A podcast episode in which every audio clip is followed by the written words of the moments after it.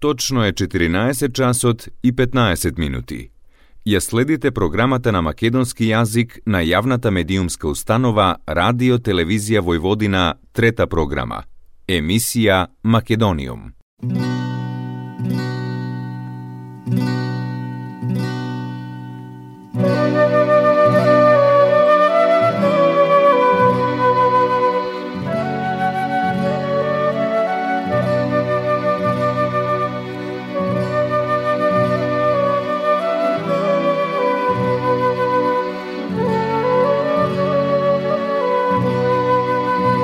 Македониум.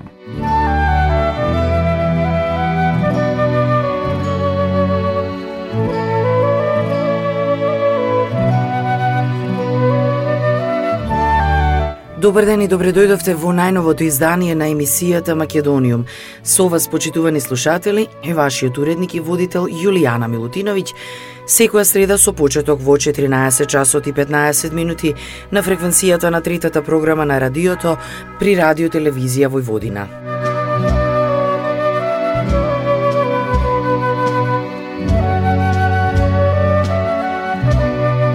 Македониум.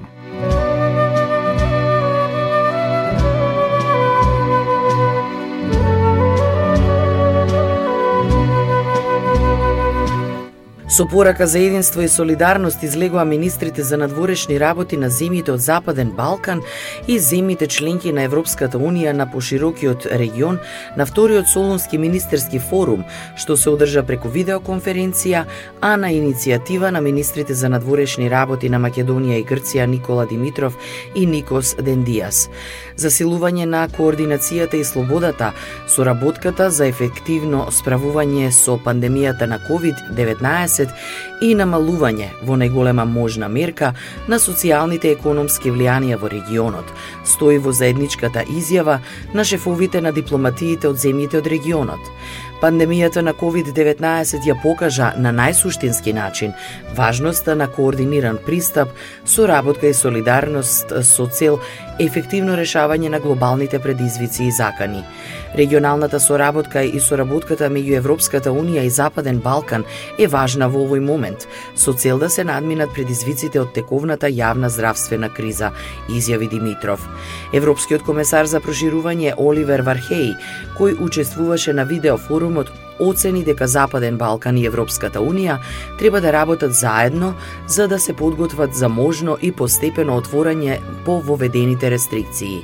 Сакаме да им се придружиме на нашите партнери од Западен Балкан на мапата на патот кон Европската Унија, што се однесува на постепено укинување на ограничувањата во областа на патувањето, деловното работење и угостителските услуги со почитување на здравствената ситуација, изјави Вархеј безбедно враќање на транспортот и билатерално и регионално поврзување преку зелени ленти, што ги поврзува земјите од Европската Унија и Западен Балкан и постепено отстранување на сите административни пречки за протокот на стоки и патници, се заложија шефовите на дипломатиите.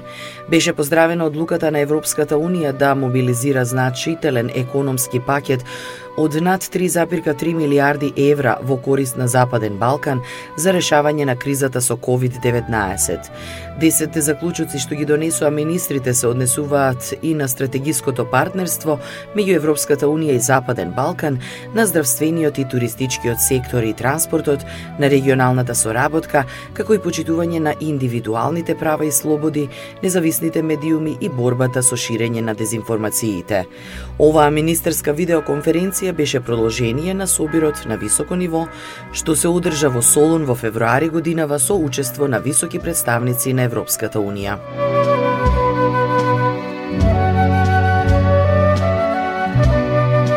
Македонијум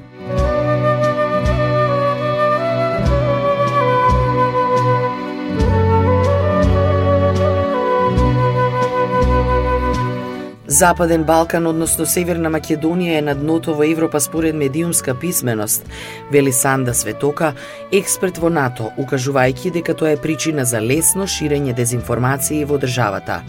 Таа го раководи проектот на НАТО Центарот за стратешки комуникации, кој го истражува руското мешање на Западен Балкан со фокус на медиумскиот простор. Институтот Отворено обштество секоја година објавува индекс за медиумска писменост за државите во Европа и Западен Балкан и конкретно Северна Македонија е меѓу оние на најниско ниво.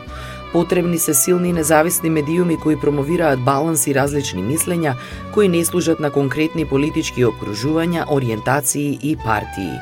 Ово особено е важно во ситуации како оваа на пандемија, за да не одат луѓето да бараат научни информации на непроверени страници, вели Светока за глас на Америка.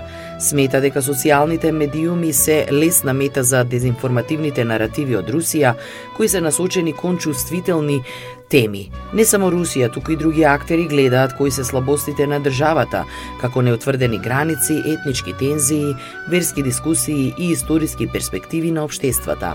Малигните актери ги користат овие ситуации за да направат конфликт, вели таа. Според неа друга причина за лесно поминување на дезинформациите во Северна Македонија се ниската доверба во јавните институции. Најголема штета од ваквите наративи би била нарушување на довербата во Европската Унија и НАТО, како и нарушување на довербата во актуелните политики на владата, во демократските и економски реформи кои ги прави, рече таа. А за тоа какви алатки користи Русија за да влијае вели, соработка со локални елити и бизнисмени за кои луѓето не се ни свесни дека постојат. Понекогаш има само лични причини за делување, а не идеолошки, рече таа. Пред очекуваните избори во државата, Светока порача медиумите да бидат професионални и балансирани, а граѓаните да ги читаат партиските програми, како и да бидат критички ориентирани.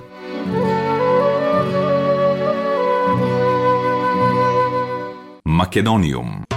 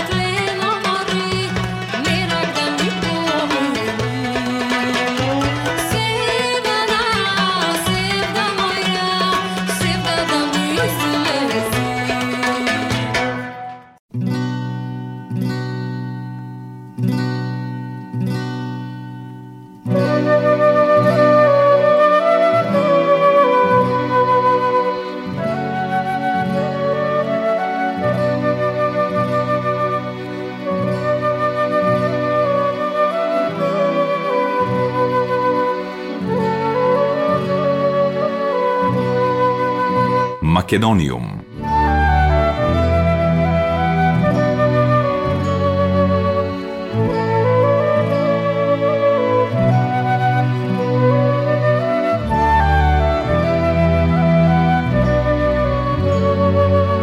Европската комисија одблиску ги следи разговорите меѓу политичките партии за одредување датум за парламентарни избори, јавува дописничката на Македонската информативна агенција од Брисел.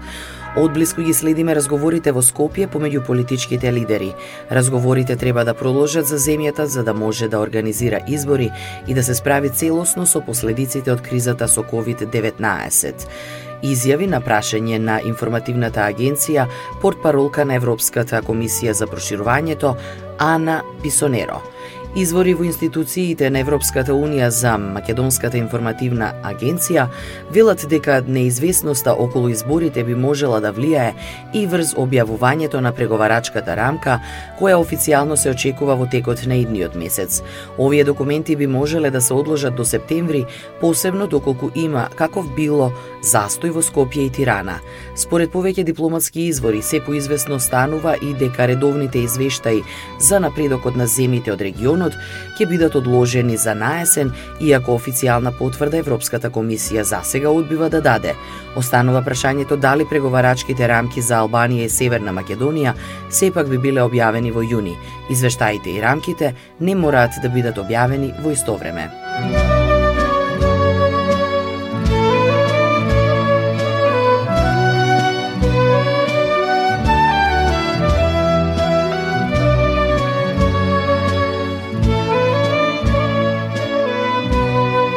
Македониум.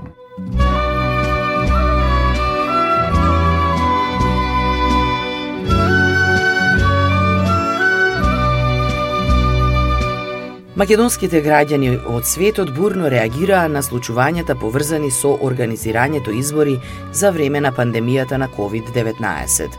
Неодамна обединетата македонска диаспора исто така реагираше за низата пропусти наведени од Државната изборна комисија во врска со оневозможувањето регистрација во избирачкиот список на голем број македонски граѓани со живеалиште надвор од Македонија. Иако Обединетата македонска диаспора формално се обрати до Државната изборна комисија, до денес нема добиено никаков одговор на прашањата за начинот на спроведување на изборите во диаспората. Дали некој ќе сноси одговорност за гувењето на институциите, прашува диаспора. Според нив, зачудувачки е фактот што во интензивните преговори за изборен датум никој не ја споменува диаспората. Се прашуваме дали и кому му пречат Обединетата македонска диаспора и македонските граѓани распрснати ни светот. Дали и зошто некој се противи да се регистрираат гласачите во избирачкиот список и да го остварат своето уставно загарантирано право на глас. Иако Македонија се декларира како демократска држава, македонските граѓани во светот се чудат како може едно човеково право да им се скрати. Дали е на повидок ново политичко уредување и дали нашата земја сака да биде позната како земја што не ги почитува основните човекови права загарантирани на национално, европско и светско ниво. Обединетата македонска диаспора упатува апел до властите во Македонија, до најголемата опозицијска партија, како и до другите политички партии и субјекти во државата, дека македонските граѓани надвор од Македонија по никоја цена не смеат да бидат исклучени од овој избирачки циклус. Диаспората е еден од двигателите на македонската економија, најдобар промотор на Македонија во светот и заслужува да биде дел од избирачкиот процес. Исто така зачудувачки е фактот што во услови на пандемија и светска здравствена криза, властите во Македонија настојуваат да ги спроведат изборите на штета на здравјето на македонските граѓани. Кому му се брза да се спроведат избори, кој сака да најде изговор дека гласањето во диаспората не може да се спроведе поради COVID-19. Ова е прашање до лидерите на политичките партии и председателот, како во услови на развиена технологија и модерен принцип на функционирање на светот, македонските власти не може да обезбедат гласање по електронски пат или пошта.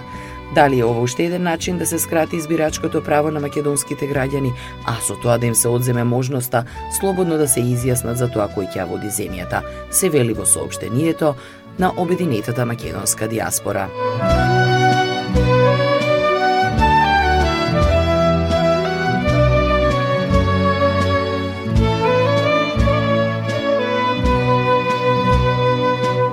Macedonium.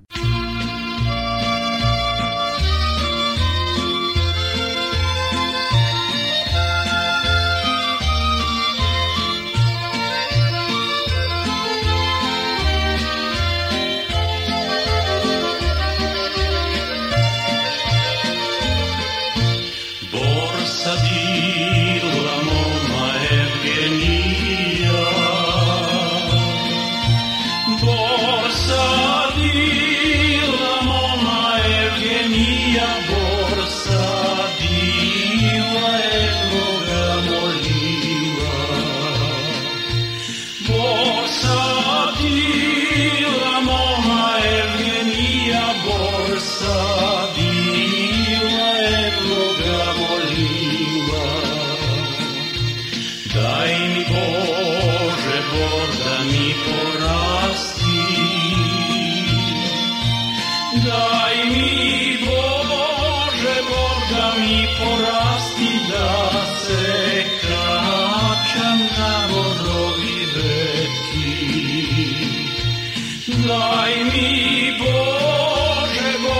mi porazi da se.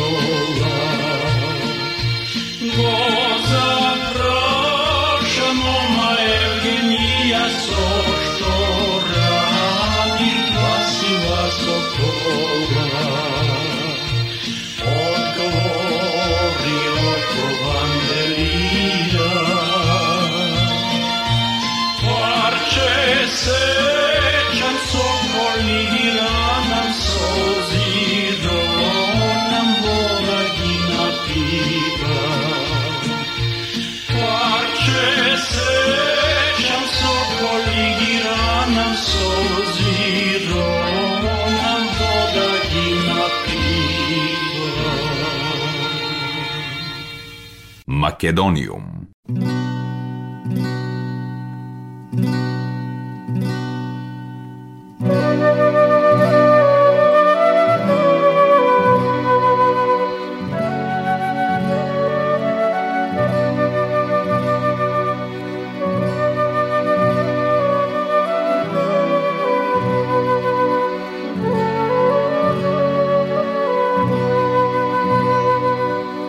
Македонскиот писател Петар Андоновски за својот роман Страв од варвари во издание на Или Или е добитник на Европската награда за литература.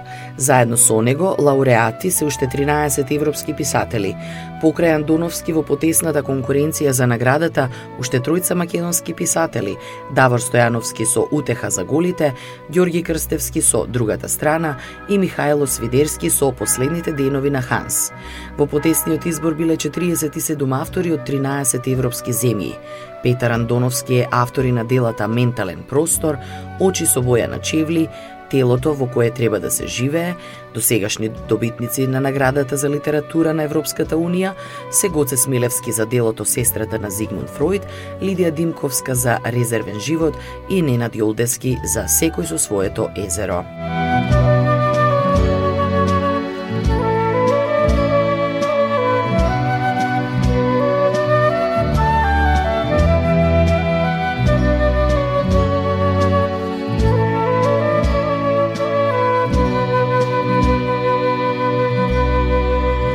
Македониум.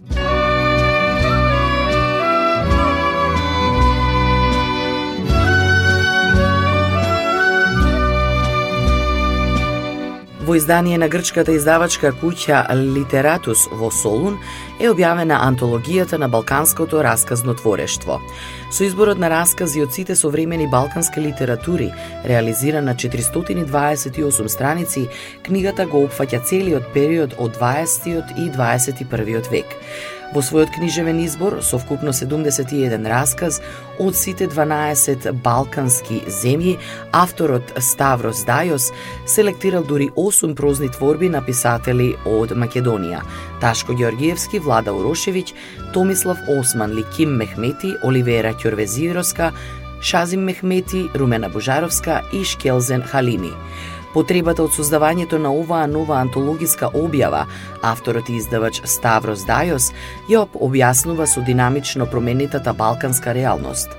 Поголемите историски промени во 90-тите означени со расточување на структурите од источниот појас и со жестокиот распад на Југословенската федерација, се појавија нови состојби, потреби, теми, автори и видувања, а беа поставени и нови критериуми за изразување и за задоволување на литературните поттици на современото балканско етничко државно и јазично расејување. Некои од тие нови појави ги пополнува овој обсежен прозен избор, вели тој.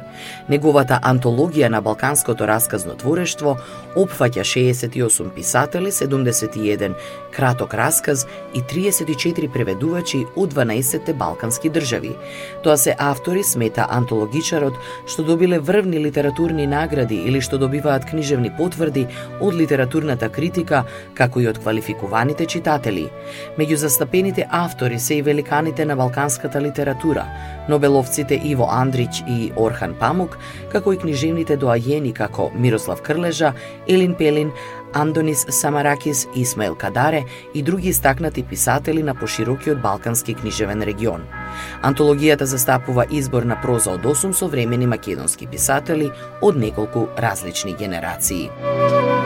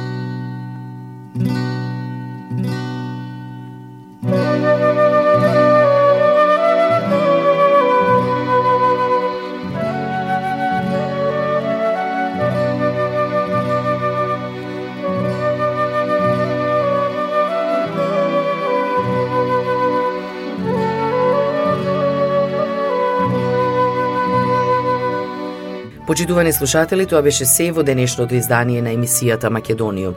До следната среда во исто време, срдечен и голем поздрав од вашиот уредник и водител Јулијана Милутиновиќ.